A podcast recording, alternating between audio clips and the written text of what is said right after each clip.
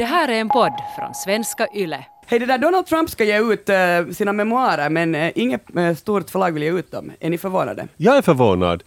Jag var också förvånad att det var nyhet om att han hade en blogg tydligen och ingen läste den och så slutade han. Oh. Ja. Han alltså, um, han skulle vilja liksom berätta sin historia, för den har vi inte hört.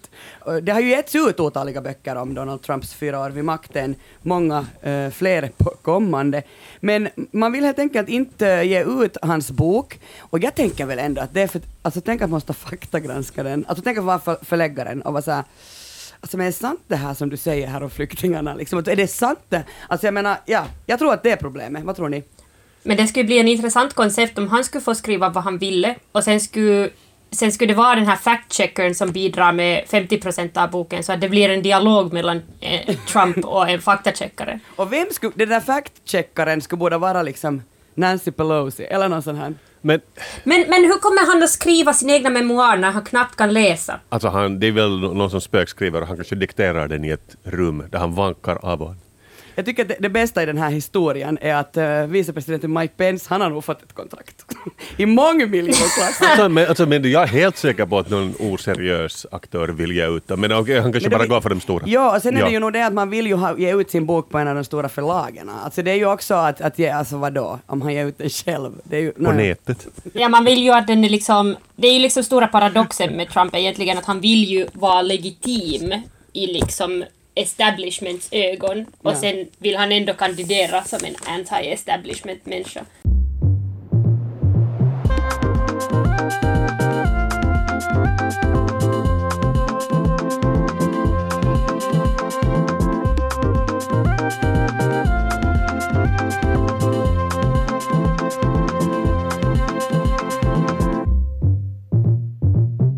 Välkommen till Sällskapet, en kulturpodd med samhällsperspektiv. Jag heter Kia Svetihin och med mig har jag Petra Laiti och Kasper Strömman. Välkomna. Yay! Och Kia. Hej! Och Kia, får jag säga, alla vi som poddar i Sällskapet är lika värdefulla, men jag påstår att vi ändå har ett dreamteam här idag. Kia, Petra, Kasper. ja, ja, okej, okay. vi, är, vi är Dream Team. Nu måste jag ändå säga att i studion i Böle sitter Kia och Kasper, givetvis fortfarande på, på ett bra avstånd och med plexiglas emellan och i, mitt i Simon, eh, på en ö, i en bastu, har vi vår Petra Laiti. Eh, du har alltså farit och firat midsommar lite tidigare? Ja, jag firar, firar midsommar och jag firar min namnsdag och kanske ändå också min födis. Eh, men ja, jag ska vara här två veckor nu. Allt händer på en gång på den där ön. Och grattis! Ja, tack, eh, tack. Vi börjar. Kasper, vad har du tänkt prata om idag? Jag har tänkt prata om Helsingfors biennalen, vilken jag har besökt. Jag ska prata om att samhället faktiskt sakta men säkert håller på att öppna upp igen. Vi gluttar så där lite på dörren och så stänger vi den snabbt igen. THL rekommenderar ännu distansjobb, speciellt om man bor liksom i områden där epidemiläget är värre. Men det där, man har alltså tänkt, nu ska vi börja gå till kontoret, nu ska vi börja träffas, nu ska vi börja umgås. Vi ska lära oss att bli människa igen. Men vad om man inte vill? Och om man lider av FONO, alltså fear of normal, det här ska jag prata mer om. Petra! Jag har äntligen hittat ett EU-direktiv som är intressant och som påverkar mitt liv. Det handlar om restriktioner till uh, brittisk TV och dramaproduktion som uh, antagligen kommer att träffa Europa vid årsskiftet. Okej, Kia Petra. Då har jag besökt Helsingfors biennalen. Har ni ännu hunnit besöka den, Kia Petra? Svar nej. Jag var på vernissagen. Uh, klart du var på vernissagen. Det var inte jag, Nej, och, och, jag var inte heller ens bjuden. Alltså jag menar, det skulle vara en skild sak om jag inte skulle ha gått, men jag var inte ens bjuden. Jag fick sen läst det i tidningarna. Aha, nu har Helsingforsbiennalen öppnat. Men Petra, hon är the chosen one. Ja, verkligen. men för de som inte vet så är Helsingforsbiennalen alltså en utställning av modern konst som hålls på en ö utanför Helsingfors. Och den här ön heter Vallisaari, på svenska heter den Skanslandet och det är alltså en slags ny ö som varit stängd förut och den ligger precis bredvid Sveaborg.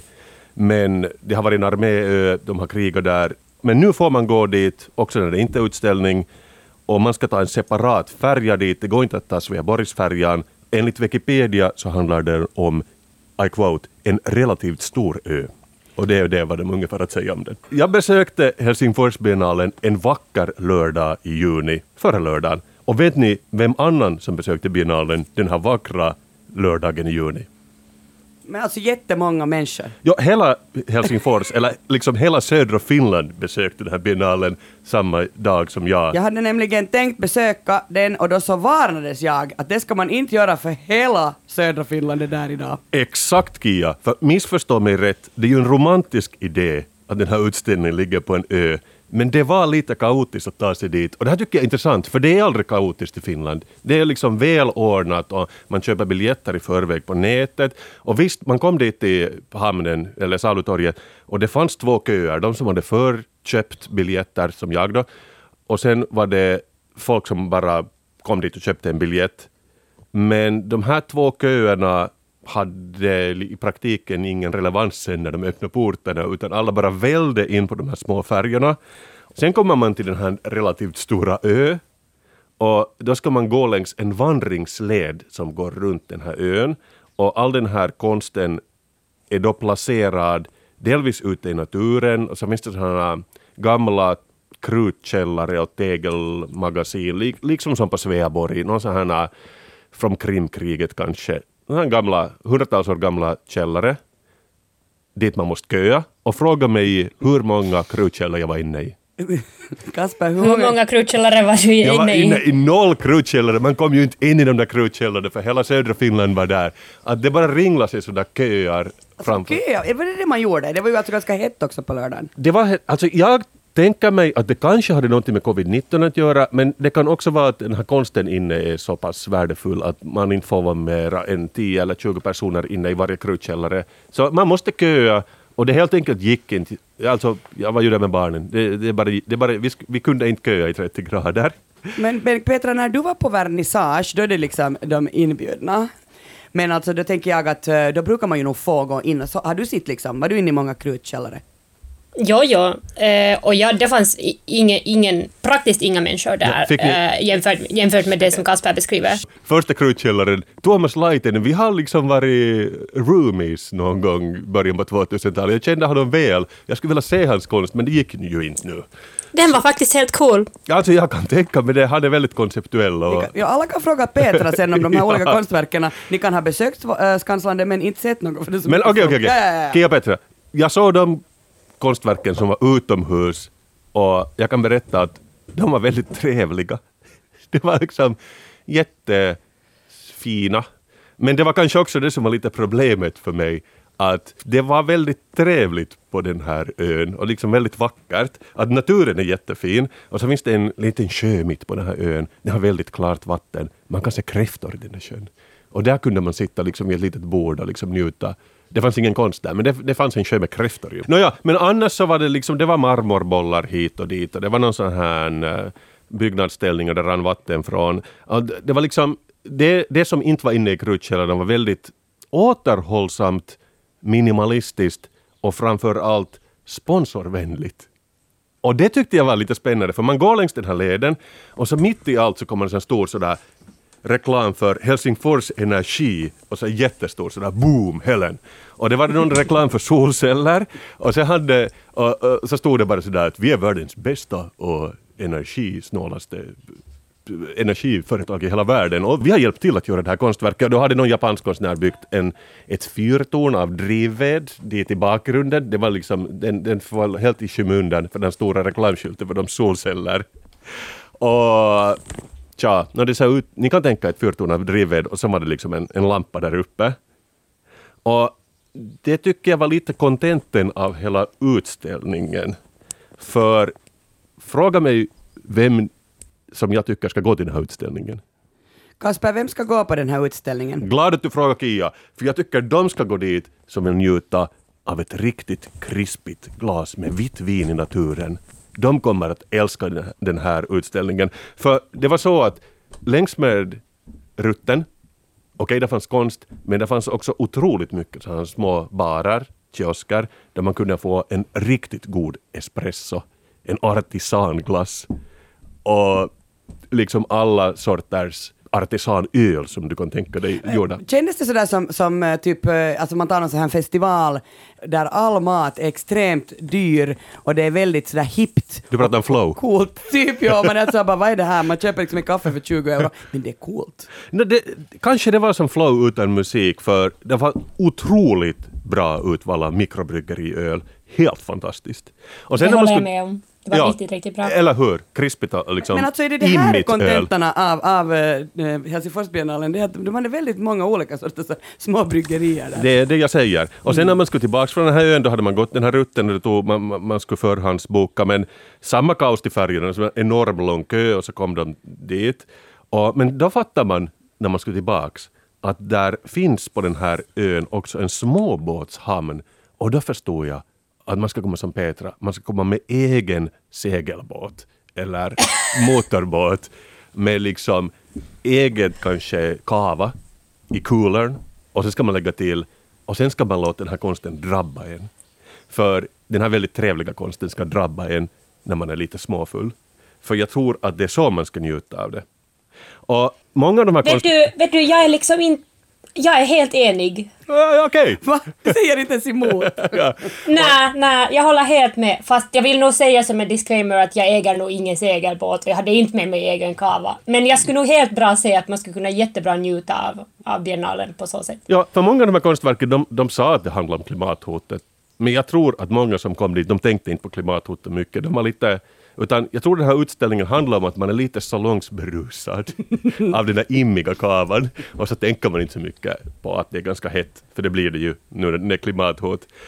Jag tänker att det är lite som Elokapina, ni kommer ihåg de här människorna som satt på Mannheimsvägen. Men vem som ännu, eller ja, vi vet ju Sitter de ännu där? Jag vet Ah, inte. Okej, jag vet men inte alltså jag menar, de menar väl, men Vadå, folk- har de också med egen kava? Nej, jag tänker att de Komma med segelbåt. Doms budskap når inte riktigt fram. Alla pratar bara om att de sitter där på vägen och det att de verkligen har en agenda så det har fallit lite i skymundan. Men having said this, visste ni förresten att jag har varit med i Helsingforsbiennalen? Nej! Och det är förvånande eftersom det är första gången om man inte såg mitt konstverk där. Nej. Men det här är ganska intressant, för det här var back in 2006 när min kompis, som du jag också känner, Aki-Pekka Sinikoski, han ordnade i ett skitigt galleri på Nylandsvägen en utställning som hette Helsinki Biennale. Och han till och med registrerade det här namnet, om jag rätt kommer ihåg på den tiden. Att det har funnits en Helsingfors Biennale någon gång i tiden, kanske 70-80-talet. Sen registrerade han det, det här 2006. Och, men så ordnade han det, tror jag, två gånger. Alltså det var väldigt litet och, sådär underground. Och jag tror inte att han har någon case för Helsingfors stad nu som, som an- anordnar det här stora Helsingfors biennalen. Ja. Men jag var med då och, jag, och, då var det en, liksom en stor grej att Helsingfors stad ville förbjuda plaststolar på alla uteserveringar för att de tyckte de såg för jävliga ut. Eller de, de, det, det sa de inte, de sa att, att det, det är fult, det är äckligt, vi vill inte ha plaststolar. och, och det är sant, och jag tyckte det var så att ingen, ingen sa emot. Alla var sådär, ja ja men då skaffar vi av trä, metall istället. Och då, då gjorde jag en, en sådan vit klassisk plaststol, jättefin, jag gjorde det som en, till en sådan tron eller en guldstol. Och, och Finns det någon bild på det? det finns bilder på det. Det, där du, det sätter vi förstås med i referenslistan. Jag ska kräva. Men, uh, men, det- men okej, Aki-Pekka Siniskoski, då, på den tiden så poppade det upp jättemycket såna små arbetsrum där. Folk arbetade inte mer, de gick ihop som frilansers och gjorde konst. Och det var jätte... Det var riktigt bra det han gjorde på den tiden. Och det var väldigt så här... Det kändes som att det kom från den rätta platsen, den här konsten som folk gjorde. Och jag började tänka på det här när jag gick omkring på den här 2021 Helsingforsbiennalen. Och så blev jag lite full i fan.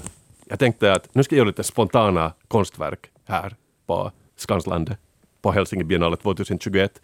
Så vad jag gjorde är att jag la min ryggsäck på marken, så tog jag ett steg bakåt och så tänkte jag för mig själv, det här är ett konstverk som heter A year without traveling. Brava! Så ställ, sen, sen ställde jag mig framför ett elskåp och så kände jag, så lyssnade jag på det där sakta hummandet och brummandet och så kände jag mig bara tacksam för att jag bor i Helsingfors som har världens bästa och renaste energi. Och tänkte att det här är någonting som Helsingfors Energi kunde sponsorera. Sen la jag örat mot ett brunnslock och så tänkte jag på hur viktig Östersjön är för oss Östersjönbor. Och men medan jag gjorde det här så smuttade jag på en bra akvavit som ni vet att är mer hardcore-variant av gin, som vi brukar prata på mina paddelsessioner som jag har med mina kompisar, som vi går på när vi inte är på Helsingebiennale.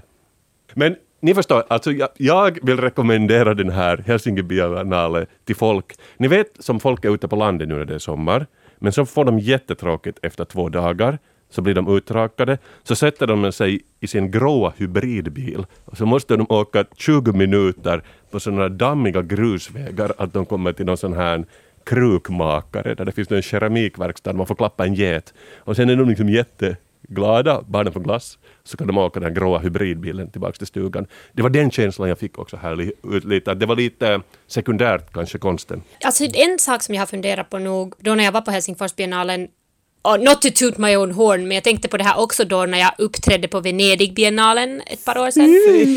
men, eh, men jag har funderat på, varje gång som jag har deltagit i någon biennal så har jag alltid gått där lite runt och funderat att okej okay, men det här är ju helt kiva. Men det, det har liksom ofta varit liksom den enda tanken som, som sådana evenemang väcker hos mig. Och jag har funderat på det här att alltså, jag tycker att biennaler, konstbiennaler liknar uh, Eurovision Song Contest på flera sätt för att det är ju liksom det när man, där man ska kuratera någon slags sån här alltså utställning som är liksom, eller som borde vara best of the best så känns det ju som att oftare är det ju sådär, mest är det liksom mediocre och sen finns det någon som är sådär accidentally great. Och så kände jag då på Venedigbiennalen och så känner jag nu också i Helsingforsbiennalen det, det mesta är sånt att okej, okay, det här är liksom kiva. Men jag vet inte liksom att om det går att uppnå en helt sådär otrolig och fantastisk utställning, om det är så otroligt kontrollerat och kuraterat att vad det ska vara. Det... Och sen en annan grej som jag funderar på också var att jag funderar att varför har de inte eh, tagit mer fram den här Vallisaaris historia? För det är ju en otrolig spänning på den där ön på grund av eh, de här bomberna som finns kvar i det där liksom restrikterade området. det är ju otroligt intressant att, att hur mycket liksom jämmer det finns från kriget. Okay. Eh, och det fanns ju liksom ingen information om det. Och sen när man visste att, att, okej, okay, det är därför som man inte får gå in i den här skogen för att man kan typ spränga upp. Så det, det kändes mycket mer intressant och det kändes som ett liksom rätt viktigt och intressant kontext för halvfulla turister att inte gå och vandra in i den här skogen. Alltså verkligen, för de där eh. skyltarna var ju överallt, men det var just sådär att skada inte vår um, tåliga natur och jag, tro, jag trodde på det. Men att nu, det här, nej, nej. Det här är liksom, det här är ju en game changer. Det är ju därför som man inte får gå och simma i de där små sjöarna som finns där i mitt på ön, för det kan finnas liksom explosiva medlar. Ah. Jag är så glad Petra att, du tog upp det här med gamla bomber, för det här gav lite karaktär. För jag, jag hade liksom skrivit att, att bra konst, har jag skrivit på min lapp, det är, bra konst är som man blir solbränd och lite full, som på ja. Kanslandet. Men om det finns en möjlighet att sprängas i bitar, då tycker jag verkligen att jag rekommenderar den här utställningen till alla där ute. För jag, jag var lite missnöjd tills jag hörde det. hörde det här. Men då rekommenderar jag det verkligen, men då helst med egen båt, så att man kan sitta med ett ben där i sittbrunnen på väg tillbaka. Och egen kava. Egen kava. Öppen till den 26 i nionde. Gå dit och upplev den explosiva konsten. Amanda och hela hennes familj så samlas för att fira hennes mammas 60-årsdag. Det är första gången på 15 månader som familjen är samlad igen. Utomhus, social distansering förstås, det är postpandemic-firande. Två tredjedelar av det här sällskapet är redan vaccinerade och två stycken, så de har inte, det har inte gått två veckor sedan de har fått den här första shotten vaccin injicerat. De är ännu lite i risk, men ändå. Nå, dottern Amanda hon släpar med en bordsfläkt till festen hon säger att hon nu verkligen försöker här, både dekorera maskinen och sen få den att se så festlig ut som det var mänskligt möjligt. Hon till och med, när hon för den till sin mamma så dansar hon med den, liksom i famnen, och så, så ropar hon så här, titta på vår födelsedagsfläkt. Hon är både stolt och lite skamfull. Och nu undrar ni kanske, varför har hon en fläkt med? Jag undrar om det här är en riktig person eller en novell du berättar om. Det är en riktig person. Okay. Fläkten var för födelsedagstårtan så att hennes mamma skulle kunna blåsa ut ljusen. För man kan inte blåsa ut ljus på födelsedagskakan, inte mera post pandemic. Mm.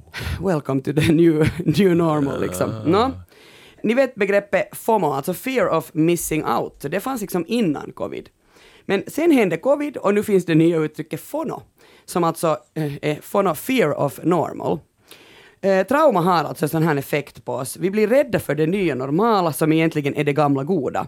För i flera månader har vi ju längtat efter att slippa distanseringen, slippa social isolering, slippa videomöten och, och slippa leva hela tiden ett liv i sån här virtuell verklighet. Och sen när ögonblicket kommer, miljontals människor världen över har vaccinerats, och miljoner fler hoppas vi att snart också kommer att få en spruta, så blir de där utsikterna lite sådär konstigt oroväckande. Man är såhär bara, äh, nej jag vill inte. Och här vill jag alltså sen helt tyst och obemärkt tillägga att antalet färdigvaccinerade personer är 800 miljoner i talande stund och ungefär 11 procent av Världens världens befolkning. befolkning. Alltså kom ihåg att 89 procent eller 88 procent är inte vaccinerade. Alltså bara så att vi fattar vilken privilegierad position vi är i. Ja, eh, Här finns alltså statistiken sätter jag förstås i, i referenslistan. Jag läste en krönika i, i Washington Post skriven av Lucy McBride. Hon är alltså primärvårdsläkare. Hon jobbar varje dag med personer som har frågor kring att Va, vad ska vi göra, ska vi snart återgå till det normala? Och hon baserar den här krönikan på sina patienters rädslor. Och när jag gjorde research på det här ämnet så jag kan meddela att det finns väldigt lite om, liksom, jag tycker ändå small talk of the year, eh, så in, det har inte gjorts så mycket undersökningar kring det här med att gå tillbaka till det normala. Men jag ser det lite som en form av Stockholmssyndromet, alltså ni vet sådär när man börjar sympatisera med den som har tagit en gisslan, alltså sådär som att pandemin tog mig gisslan och nu vill jag inte, jag vill bara vara med, med liksom, jag vill vara så som det har varit de senaste 15 månaderna. Men man ska ju komma ihåg, vi har förlorat alltså nästan 4 miljoner människor världen över i covid. Vi har drabbats av en helt oväntad och oöverträffad ekonomisk, social och emotionell omvälvning. Och oavsett våra individuella upplevelser av den här pandemin så har vi på något spektra ändå alla, liksom, man har ju haft någon form av förlust, sorg eller förtvivlan. Och det gäller liksom alla.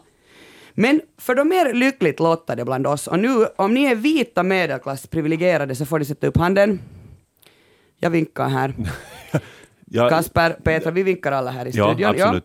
Så då har ju pandemin gett oss tillstånd att rensa våra kalendrar, skära ner i våra sociala liv.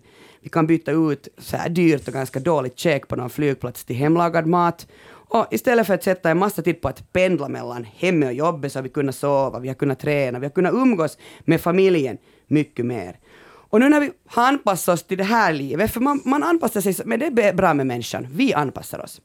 Så nu liksom har vi anpassat oss till det här livet. Vi har kämpat med familjemedlemmar som känns påträngande. Det har varit stressigt, social isolering, emotionella utbrott. Så då känns det liksom som att någon slår ett sånt här helt fullt knytnävsslag rakt in i magen på mig och säger så här, boom, nu slutar det här, nu ska du tillbaka till det normala, far ut dit bara Kia, du har ju velat ha det här. Och jag vill inte ha mitt gamla liv tillbaka, liksom, jag är riktigt nöjd nu med det här liksom, som jag har vant mig vid. Du din sjuka jävel. Mm, vad tycker ni då? Ja, jag tänker att det finns vissa människor. som jag har en mamma som är född på 50-talet och hon är liksom en manisk resande person som resebloggar.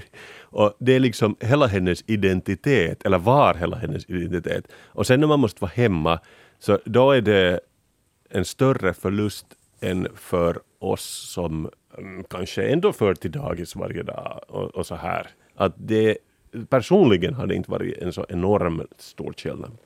Och Peter, hur är det för dig? Ehm, um, då kanske den största förändringen som händer för mig är att jag kan börja åka upp norrut igen, vilket jag nog längtar efter massor, för det har jag nu inte gjort på grund av att jag inte har en lägenhet uppe i Enare, så jag måste alltid stanna hos någon och det vill man ju inte göra, man vill ju inte riskera liksom, sina vänner och släktingar på det sättet. Men i mitt arbetsliv igen, så jag jobbar ju liksom på riksdagen har vi ju individa arbetsrum för det mesta, eh, så det är liksom, det passar en, en arbetsintrovert eh, helt bra. Och sen jobbar jag ju liksom freelancer också. Så det känns som egentligen att nu under, under covid så tycker jag att jag har faktiskt jobbat liksom mera hemifrån än vad jag skulle ha hunnit jobba om jag skulle också sitta på kontoret och sen uh, utöver det så göra mina freelancergrejer. Så egentligen för mig tror jag att det här kommer att lugna ner min, min, uh, mina rutiner lite. Men, för det är ganska intressant att, att jag liksom pratar med er eh, just om det här, alltså, eh, ni är båda ju i princip frilansare. jag är den som har liksom 8 till 5, nej 9 till 5, nu ska vi nu inte riktigt ljuga, jag har så mycket jobb. 9, 9 till 5 jobb och liksom en, en fast anställning och, och jag, jag är riktigt så rutinerad, alltså sådär, ja, konservativt gammalt tänkande. Vi har ju börjat prata mycket om så här att hur ska arbetsbilden se ut i framtiden? Alltså ska, ska vi få börja jobba hur vi vill? Får man jobba distans vilka dagar man vill eller kommer vi jobba i något team så att vi alltid vet att min redaktion är alltid samma dag på jobb och, och så här. Att det ska ju nog förändras den där arbetsbilden, men jag menar för mig är det verkligen en stor förändring, men kanske inte för er. Men okej, jag tänker sätta en liten brasklapp här nu, för jag, jag vill inte att någon sen ska vara sur och arg, vilken ni nog får vara ändå. Nåja, eh, alltså, jag stryker undan här nu med versaler och fettstil, att det här gäller ju alltså inte alls alla, utan en liten del av den ytterst privilegierade befolkningen i vårt land som kan och har möjlighet att jobba distans. Det här måste man nu säga. Och nu skickar jag här faktiskt en, en mycket het tanke, varm tanke och ett miljonstort tack till sjukvårdspersonalen. Jag menar, här finns massor med, med grupper i vårt land som inte kan välja. Så att jag menar, ni får nu bara bli provocerade av den här pratan. Och det som jag också undrar är liksom att vad betyder fear of normal? Alltså man delar upp det lite. Vad, vad är det vi är rädda för? Alltså, vad är det, och också det här med fear of missing out. Vad är det, vi- vad är det vi är rädda för att missa? Uh, och när man pratar om fear of, så vad pratar vi egentligen om? För det, när jag tänker på det här nya, nya normala då, så för, nej inte nya, det gamla normala som kommer tillbaka, så för mig är det ju mer det att jag blir så stressad. Så egentligen är jag ju alltså rädd, rädd för att, eller jag blir stressad av det där, gam, att mitt gamla liv kommer tillbaka. Varför pratar jag om en rädsla för något normalt? Och vad är normalt? Alltså vem är det som definierar normalt? Nu det är ju jättekonstigt att vi hela tiden liksom Alltså vi, vi, vi är en privilegierad grupp som kan ha det här som rädsla och det här är vårt normala. Men det ju gäller ju inte alla. Nej, och jag, som du säger, jag har lite dåligt samvete för att mitt jobb är ju kanske att berätta vitsar på Instagram. Så det, det har ju liksom, pandemi är ju bara bra för sånt. Folk är mera på Instagram i, i så fall. Så tyvärr har det inte liksom inverkat så jättemycket på mitt liv. Och jag, och jag kan också helt medge att jag sysslar ju alltså med medelklassmedia. Alltså jag tar upp samma saker samtidigt som alla andra mediehus. Och sen tror jag att alla andra känner och har det likadant. Att det här är liksom en, ett fel som de flesta gör. Brasklapp, slut. Men vissa människor har alltså helt enkelt funnit en tillvaro i coronakrisen som har varit mer behaglig att leva i än det tidigare livet. Eh, dit sajt i Tyskland har, sen 2017 har de ställt liksom sina läsare dagligen frågan Hur mår du idag? De får ungefär in 10 000 svar om dagen. Oj. Och i genomsnitt mår 66 procent av de som svarar bra och resten gör inte det. Men efter att tyskarnas liv begränsades, alltså i och med covidkrisen, så hände det något med deras mående. För plötsligt så svarar 75 procent att de mådde otroligt bra. Alltså ganska stor skillnad. Är det så? För jag, jag tänker att det finns alltid någon sån här bias i de här. Det finns ju sådana på flygplatser och sånt, det finns sådana automater man får trycka på en emoji och då trycker kanske liksom barnen på alla och om man är sur så trycker man röda men om man är helt nöjd så går man bara förbi så jag tänker att kanske den här enkäten också fungerar på samma sätt. No, nu ska du inte förstöra här min undersökning. No, en, en annan kvinna i Hannover, hon var väldigt lättad och hon sa så här att att uh, hon har haft så dåligt samvete över att hon inte har kunnat skicka sin son på en dyr resa på påsklovet och det bästa som hände var att pandemin kom och alla andra måste också bara gå ut i skogen och, och vara sådär, det här är, är din semester, varsågod. Och en annan kvinna från Berlin, hon säger att nej men jag mår så bra för att min man, han måste vara hemma varje kväll för alla sportevenemang han brukar gå på är inhiberade. Och en annan man var nöjd för att av de sju bröllop som han hade blivit bjuden till på sommaren behövde han inte gå på ett enda. Nåja, så här. Och i Japan alltså så visade det sig liksom att Alltså verkligen gynnsamma effekter på mående. Ni vet i Japan jobbar man ju extremt mycket. Och här har självmordsfrekvensen sjunkit med 20 procent. För att jag tänker att man har inte kunnat vara lika stressad på jobbet. Du har kunnat vara med med din familj. Eller med dig själv. Att du har kunnat ge mer tid åt att bara vara. Alla har blivit en hikikomori. En hikikomori. Men alltså, jag själv så tror jag på, på det också att, okej det här är också från en sån här medelklassvy kanske, men jag tror på att eh, en sån här kollektiv trauma får folk att vara mer tacksamma över det som de redan har och det som de inte har hunnit vara tacksamma över i liksom sitt stressiga liv. Så jag tror det liksom, kanske den här tacksamheten också får människor att, att på ett sätt uppskatta sitt liv mera. För det, det är ju så som det är att, att covid har ju också fått massor med människor att, att se på sitt egna liv och, och fundera på hurdana privilegier man har och vara på ett sätt liksom eh, också uppskatta det att okay, man får jobba på distans, man får vara med sin familj och man har ett hem som man njuter av och så vidare. Att kanske de som redan var genom sitt lyckliga så också uppskattar sin egna lycklighet mera. Eller det, liksom, man, det var kanske inte så normalt det där livet vi hade före covid heller. Ja. Det finns, eh, det, i Huffington Post så kom det en artikel om ett sånt här nytt fenomen som har uppstått nu post-corona, alltså coronafobi. Eh, tanken på att umgås inomhus eller lätta på covid-restriktionerna så bidrar till en extrem ångest hos en del människor. Och I podcasten Dumma människor som görs av Lina Thomsgård, hon är kolumnist och programledare, men hon gör det tillsammans med psykologen och författaren Björn Hedensjö, så de pratar om att liksom, det finns helt enkelt inte heller så mycket undersökningar på covid-fobia. Alltså eh, personer som oroar sig för sjukdomen på ett sätt som hindrar dem i vardagen. Eh, men, men tydligen alltså så är det så här att, att det finns massa människor som alltså ha, inte kommer att kunna återgå till ett normalt liv efter att pandemin slutgiltigen är över. De kommer aldrig att använda kollektivtrafik mer, för de är så rädda för det. Eh, de kan inte ta på ytor i offentliga rum. Och det sträcker sig så långt att de vägrar gå till utrymmen i offentliga miljöer och en del sjukdomsförklarar att man skakar hand. Och det här är ju alltså, för jag kan nog säga att när jag till exempel åker allmänna, så jag är nog jätte jättemedveten om att inte röra och att hela tiden tvätta händerna. Det har jag lärt mig. Ja, ja. Jag kommer ihåg när jag var kanske i gymnasiet, det var en kompis som lånade kanske en bok på biblioteket men måste tvätta alla pärmar för att tyckt, hen tyckte att det var så liksom äckligt. Så om man är den sortens hypokondriker så har det här ju inte liksom åtminstone lättat på den känslan. Och det är ju ganska svårt att leva i ett samhälle om du vägrar att fara in i det där samhället. För att du har alltså en fobi. Ja, verkligen.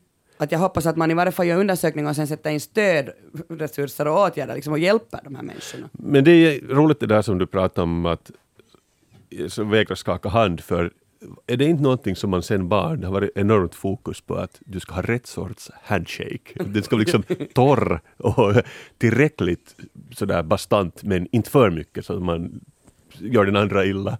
Så att om vi blir av med det så är jag helt nöjd. För, för jag är alltså sådär som tar på människor. Jag tycker ju om så här, kramas och pussas. Jag älskar den här kulturen i Spanien, till exempel Ryssland, Frankrike, där man pussar på kinderna. Men alltså, det det är ju sånt man kanske inte mera då gör. Ja, fy fan, nej det är äckligt. men, men hur är det, älskar du den kulturen som är i Finland, det här med stela kramar?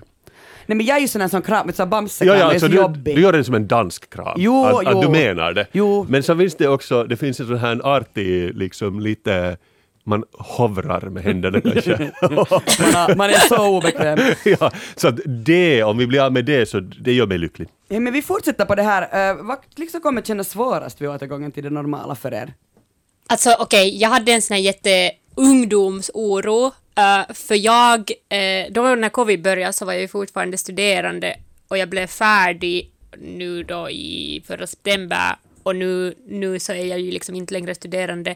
Så det som jag har saknat mest har jag åtminstone trott har varit fest, festkulturen. Jag har liksom jättemycket längtat till att festa och bara hänga med mina kompisar. Och jag är liksom sådär smått orolig för att, att jag orkar inte längre festa och, och jag bara inte vet det ännu. Att jag har blivit liksom gammal mitt i covid. Världens äldsta 25-åring.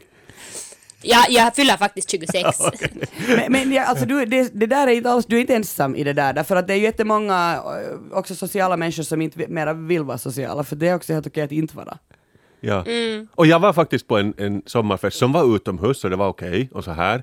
Och det, var, det var ungefär som normalt och så kommer vi ihåg att jaha, men det här var ju inte så speciellt som, som jag kom ihåg från min förra fest för två år sedan. Att eh, det är nog kanske, det var lite av en antiklimax. Alltså jag är så extremt extrovert, men under, under pandemin hade jag ju varit alltså faktiskt jättesocial, alltså utåtagerande, riktigt jobbig typ. Uh, alltså så, så har jag inte kunnat umgås med alla mina vänner. Så jag har alltså också vårdat bara de, alltså jag vårdar mina vänskapsförhållanden och jag har liksom valt ut några som står mig riktigt nära plus min familj och, och, och liksom jag är helt fine med det här nu. Okay. Jag har nog exakt samma. Att det har den där, pandemin lärde mig det. Nej men då kommer jag att säga att jag, jag saknar det bara för att vara en motpol Ja, till er. Jag, jag, ska, jag ska gå på varje fest. Eh, Kasper, du har nämnt redan några saker som du vet att du kommer att, att liksom inte vilja, eller som du kommer lämna bort eh, från, som du lärde dig under pandemin. Har du något mera, eller Petra, har du någon så här att det här tänker jag? Det där som du sa om Ja. kindpussar, Ja. jag menar vissa har försökt introducera det och jag, liksom, jag ser inte med blida ögon på det. Att ska det bli liksom, efter stela kramar, ska det ännu bli sån där just det här att hur många gånger kysser man i luften på varje sida, det är ju en vetenskap. Det är en vetenskap, det är en vetenskap. Alltså jag tror att mina oroar handlar helt enkelt om, om olika slags toleranser och stamina för någonting. För, för jag har liksom brukat vara en sån, sån typ som just orkar festa till, till morgonen, orkar köra tusen kilometer, orkar resa hit och dit eh, utan sömn och så vidare. Så jag är liksom orolig för att, att sen när jag återvänder till mitt normala liv så kommer jag liksom planera allt så som jag har brukat leva och sen måste jag liksom i situationen upptäcka att, att jag orkar inte och jag klarar inte av det här längre. Så det är liksom, jag är orolig för att, att jag måste liksom jobba för att bygga upp en viss stamina igen i sådana saker. För då när man, man lever så som jag, så man, man, ibland måste man kunna köra 1200 kilometer på en dag. Och jag är liksom orolig för att jag inte klarar av det längre. Men det, men det låter som något bra kanske, att om du tar det lite mer lugnt, eller liksom för, jag vet inte, hjärtat eller någonting. Ja, men visserligen så har det också varit saker som jag har åtminstone förut så liksom njutit av. Mm. Men alltså det där är också jätte... Jag har blivit jättelångsam, jag har alltid varit jättesnabb. Men jag, tänk, jag har också tänkt att det kan bero på åldern. Men, men alltså mycket beror det på så här, att jag, alltså jag kommer bara, jag får inte, jag får inte igång mig. Alltså det tar jätte, jag har jättelång startsträcka nu för tiden, medan jag tidigare kunde vara jättesnabb. Men jag, ska, jag har listat äh, några grejer som jag ska testa på er. Äh, det här är liksom det som skapar rädsla för det normala. För mig. Äh, återkomsten av klimatångest. Äh, det vill säga alla sätter sig på ett plan nu så fort de kan. Pandemin har liksom minskat min klimatångest nog. Dels för att man fick annat att fokusera på, men också för att människor helt enkelt slutade resa. Alltså det, man kunde ju inte resa, de stängde ju gränserna. Men liksom, nu är den tillbaka och med jättehård liksom, kraft och samtidigt så bokar liksom just min kompis in sig på ett flyg till Bora Bora och jag är sådär Åh, det är så dåligt för naturen.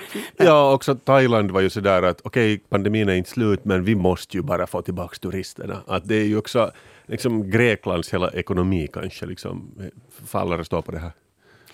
Jag funderar på det att eh, alltså klimatkrisen har ju gått framåt nu och blivit värre nu under det, det ett och ett halvt år som pandemin har snart varit. Så jag undrar på om, om turisterna sen återvänder någonstans söderut och upptäcker att men det börjar vara liksom obehagligt för hur varmt och hurdana, hurdana väder det är. Mm. Uh, så jag vet inte, min klimatångest har inte gått någonstans nu. Uh, normalitetsbias, alltså sån här uppgivenhet. Alltså, vet ni människor som är så här att jag vågar inte tro någonting alls om det här nya normala. Vi kommer alltid att leva med covid efter det här. Känner ni, känner ni till den här typen av människor som liksom Alltså helt enkelt tror att den här, det här vanliga livet kommer inte tillbaka. Vi kommer alltid att måste leva med restriktioner. Det är nog jag, jag identifierar mig i den kategorin. Du är den! Upp, uppgivenhetspersonen. Alltså jag tror inte att vi kommer att leva resten av vårt liv med specifikt covid-19.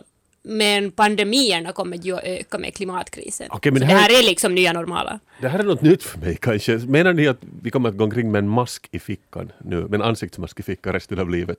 Ja. Okej. Ja. Alltså kanske nu, jag tror nog att man kommer att, alltså att vara, alltså undvika, eh, jag menar också att ta på ställen och sen sätta fingrarna i mun.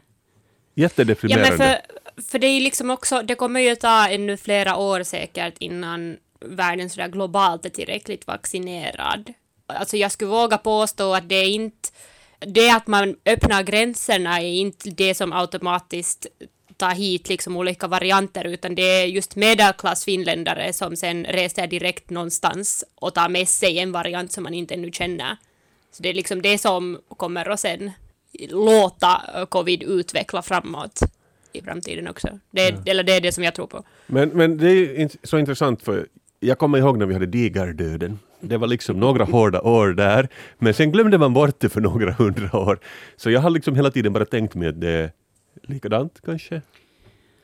No, man kan ju hoppas, alltså, jag kan ju understryka här att det är väl en pessimistisk syn, den som, som Petra har, och sen väl jag också lite lutar mot att man säger att det kommer aldrig bli bra igen. Mm. Så vi tar nästa steg. tar nästa. De begränsade krogöppettiderna har för mig varit väldigt befriande. Alltså det trodde jag inte.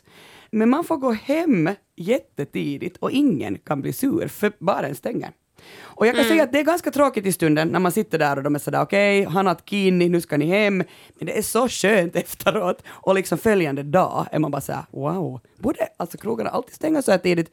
Um, jag undrar om det liksom är det att jag har alltså, det var inte så roligt där, det som du kanske sa, alltså jag, jag går på krogen, dricker öl och så är jag så här, ah det var det här, det var inte så roligt, jag går hellre hem. Folk som är äldre än mig och, och som har gått i bara på 80-talet så att, sa att då var det så att baren gick de stängde klockan ett eller någonting, men att folk bara började tidigare och det är ju det som har hänt nu också, att folk sitter liksom klockan tre på någon sån här Ja, servering. på krogen. Att det är kanske ingen skillnad i stora, långa loppet.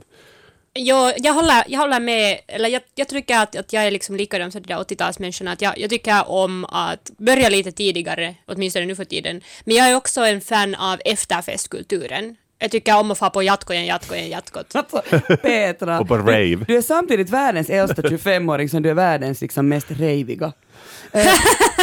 Min, min sista, mitt sista påstående, alltså att inte bli bjuden med till olika fester och get-togethers och middagar. Alltså det har varit så skönt under pandemin när man inte har blivit bjuden, för då kan man alltid avfärda det med ah, men man kan ju bara bjuda, bjuda fyra människor eller fem människor.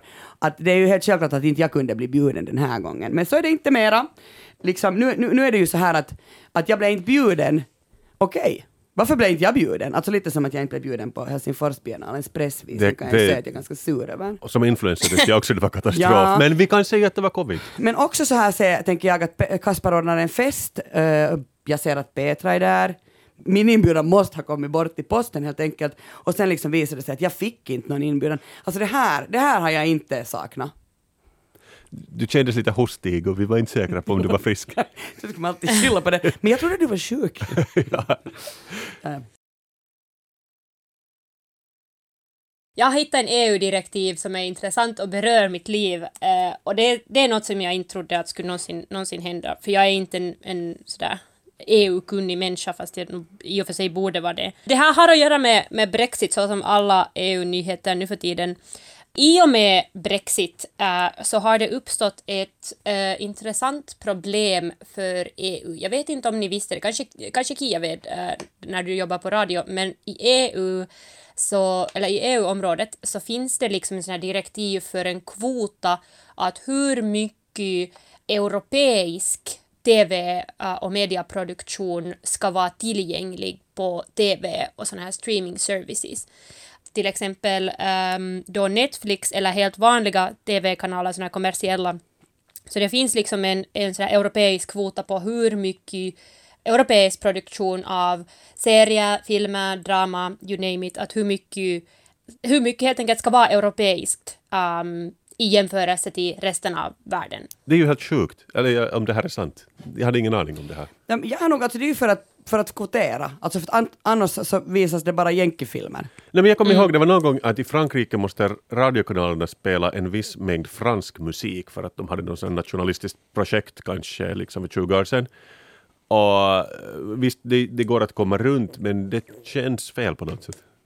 Va, varför Alltså känns i det fel? Frankrike Va, varför tycker du Kasper att det känns fel? Äh, det att Eh, man kan väl ändå anse att det är en slags kulturyttring med musik och sen om någon ska kvotera att det ska vara liksom inhemsk musik 40 procent eller vad det nu var 60 procent så det är kanske lite bindande.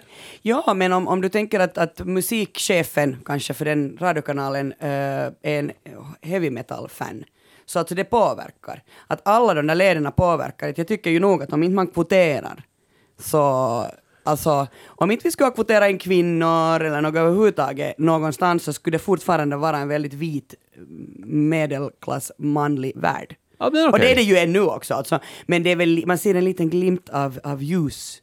Ibland kommer det någon med en annan hudfärg, ibland kommer det någon med en annan bakgrund och ibland kommer det till och med en kvinna. Att jag tänker ändå att det finns en orsak till kvoteringar. Okej, men då ändrar jag avsikt, eller vad heter det? Åsikt? Nej, det Åsikt. behöver du inte. Ja, men då ändrar jag åsikt.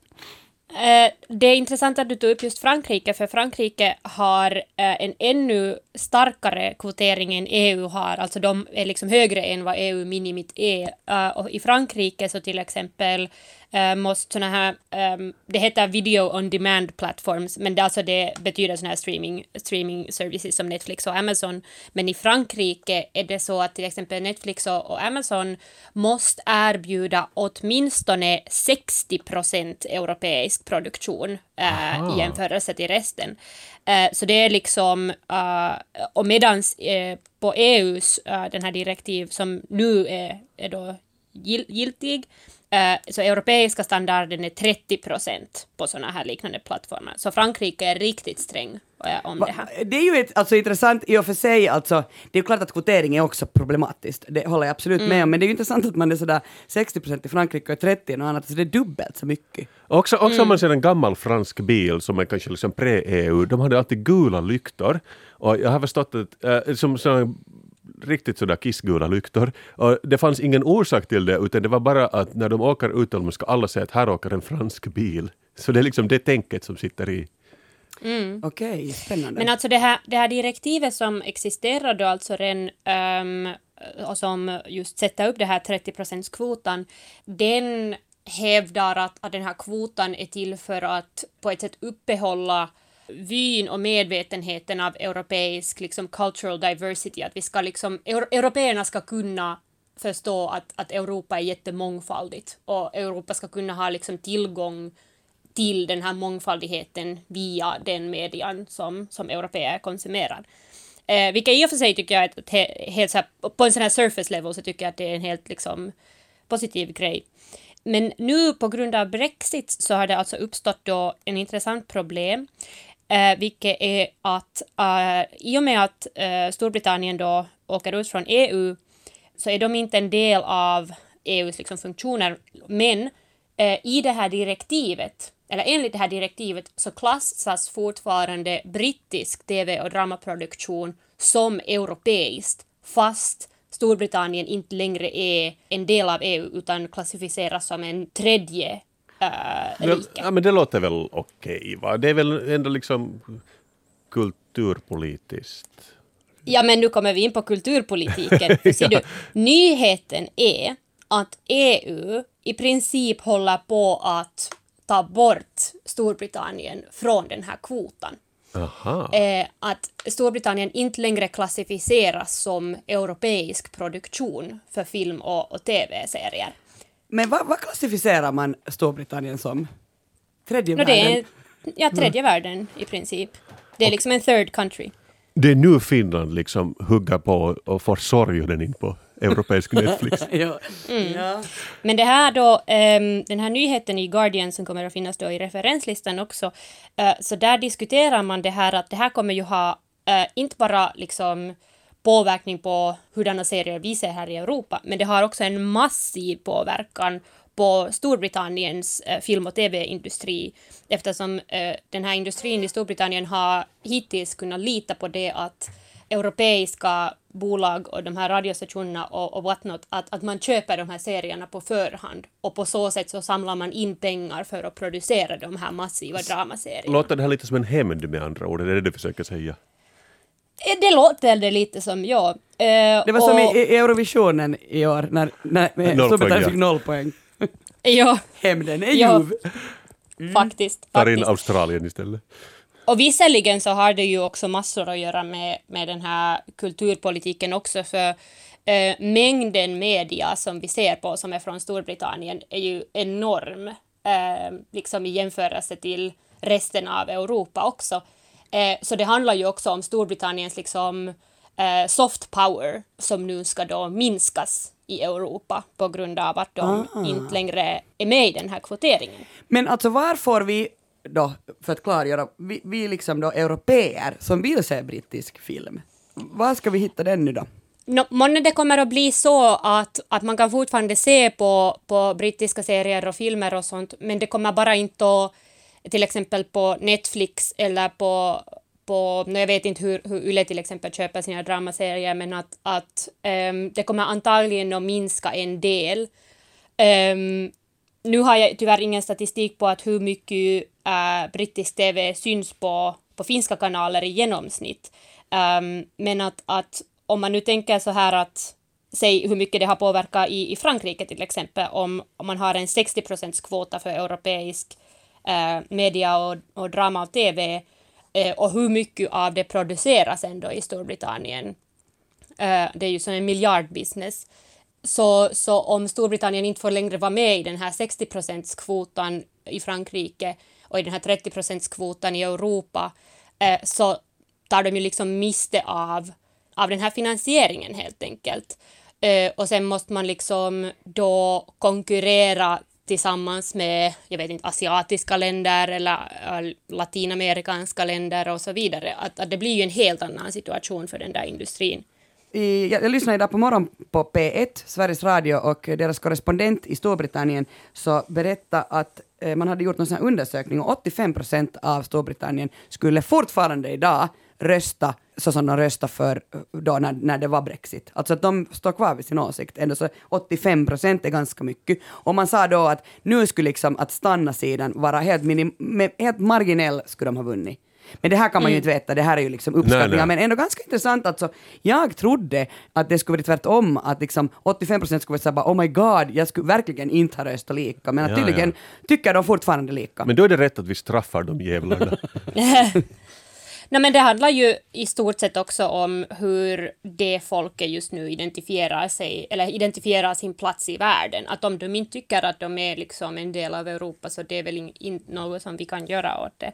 Men att, att det som den här nyheten då också berättar är att om man talar om det här med att man säljer rättigheter till tv-serier eh, så här på förhand och, och via det skaffa finansiering för, för tv-serien. Så den slags uh, försäljning fick uh, då, eller drog in 490 miljoner pund uh, åt Storbritanniens eh, uh, tv-kanaler då 2019 till 2020. Vilket betyder då att om man kollar på alla de serier som man köper in till Europa från olika länder, så det är endast USA som är högre upp än Storbritannien på den listan. Så jag vet inte nu sen att, att eh, det kan ju hända att, att det här betyder att vi kommer att få ännu mer amerikanska serier, vilket jag är inte i och för sig är så fan av, medan Storbritanniens antal då minskar. Men att, att eh, det estimeras att den här eh, förändringen kommer att gå framåt då vid årsskiftet då just Frankrike tar eh, över då ordförandeskapet av, av EU. Men jag tycker då alltså att om man ändå går emot en sån värld där vi måste liksom fundera på att hur, hur brittisk TV eh, syns i europeiska kanaler och, och finska kanaler. Så jag tycker att här skulle kunna vara en otroligt bra chans att fundera på att, att vad det är vi egentligen köper från Storbritannien. För jag tycker att eh, det finns en otroligt stor lost potential i olika serier som vi skulle kunna se från Storbritannien. För jag vet inte om ni eh, brukar kolla på såna här paneldiskussioner och panelshows, eh, men i Storbritannien finns det ju en massa eh, olika panelkomedishow eh, och eh, såna här tävlingar där olika stand-up-komiker tävlar i olika format där. Och jag tycker det är det bästa som brittisk TV har att erbjuda. Alltså ge några exempel. Många känner till The Great British Bake Off som har både en normalversion och en stand-up-komikerversion. Eh, många känner till QI eh, som länge var hostad av Stephen Fry. Sen har de eh, Big Fat Quiz of the Year som är en sån här årlig sån här dietovisa. Um, sen finns det till exempel Taskmaster där stand-up-komiker får o- olika liksom, tasks eh, och sen måste de försöka till exempel på en halv minut försöka splittra en melon eh, eller Det är det, något som, liknande. det är det Bäst i test i Sverige och det är jättepopulärt där. Aha, Ja, okej. ja. Eh, och sen min personliga favorit är en sån här mashup eh, av ett program som heter 8 out of 10 cats. Och 8 out of 10 cats är en sån här program där stand-up-komiker funderar på nyheter och statistik vilket låter just som det nördigaste programmet som finns. Och sen mash-uppas det med Britanniens faktiska nördisk, mest nördiga program som finns, vilket heter Countdown. Och då i den här mashupen som heter 8 out of 10 cats does countdown så sitter de här komikerna och försöker lösa matematiska pussel och anagrampussel. Och det är det torraste programmet som finns men det är också det bästa jag har någonsin sett. Alltså du låter som en anglofil. Alltså hur är du så insatt? i- Beställer du på någon sån här... Jag vet inte. De här finns, de här finns helt eh, på Youtube. Men eh, om man skulle fråga mig som sagt, uh, vilket ingen gör, Nej, eh, men du måste vara så här. Du måste vara så som Kasper. Kia och, och Kasper, ställ mig frågor så ska du säga vad ska vi fråga dig? Eh, Det är så Dream Teamet jobbar. Det är så här vi jobbar. Annars frågar vi inte. Okej. Okej. Nå, fråga mig vad jag skulle göra åt Hercule Poirot. Vad ska du göra åt Hercule Poirot? Och om jag skulle få välja, så istället för att ha en Hercule Poirot rerun för den 54 gången, så jag skulle vilja beställa en säsong av 8 out of 10 Cats Does Countdown. Så om Yle hör det här, så det ska jag jättegärna ha. Inga chefer lyssnar på min podd, men bra! Ja, men det här är otroligt, det här var otroligt intressant Jätteintressant, herregud! information. Och Och- allt, mest intressant tycker jag nog ändå var att du kunde så mycket om den serien. Ja, och, men jag är som du, jag, jag brukar kolla på Romesh Ranganathan till exempel. Som en Han är så bra! Han är så bra! Men liksom, jag, tror så inte, bra. jag tror inte ens det visas på någon kanal någonstans utan man, man får verkligen söka upp det på sådana obskyra Mm. YouTube-länkar. Jag tror min favorit nu är David Mitchell. Ah, från Peep Show. Ja. Ah, så bra show. Liksom, Han brukar också vara på 8 out of 10 Cats Does Countdown. Han är otroligt lägg bra. av Peter, jag måste börja kolla på det här. Alltså jag känner mig så som tredje jula, jag, vet, jag hänger inte alls med. Är det så jobbar Dream Team? Get a room. get, a, get a British room. Ni två, get a room. Tack Petra och tack Kasper för sällskapet. Vi får gärna dialog med våra lyssnare, skriv till oss på sällskapet.yle.fi. Alla referenser hittar du i avsnittsbeskrivningen på arenan. Vi hörs, hejdå! Hej då! Hej då!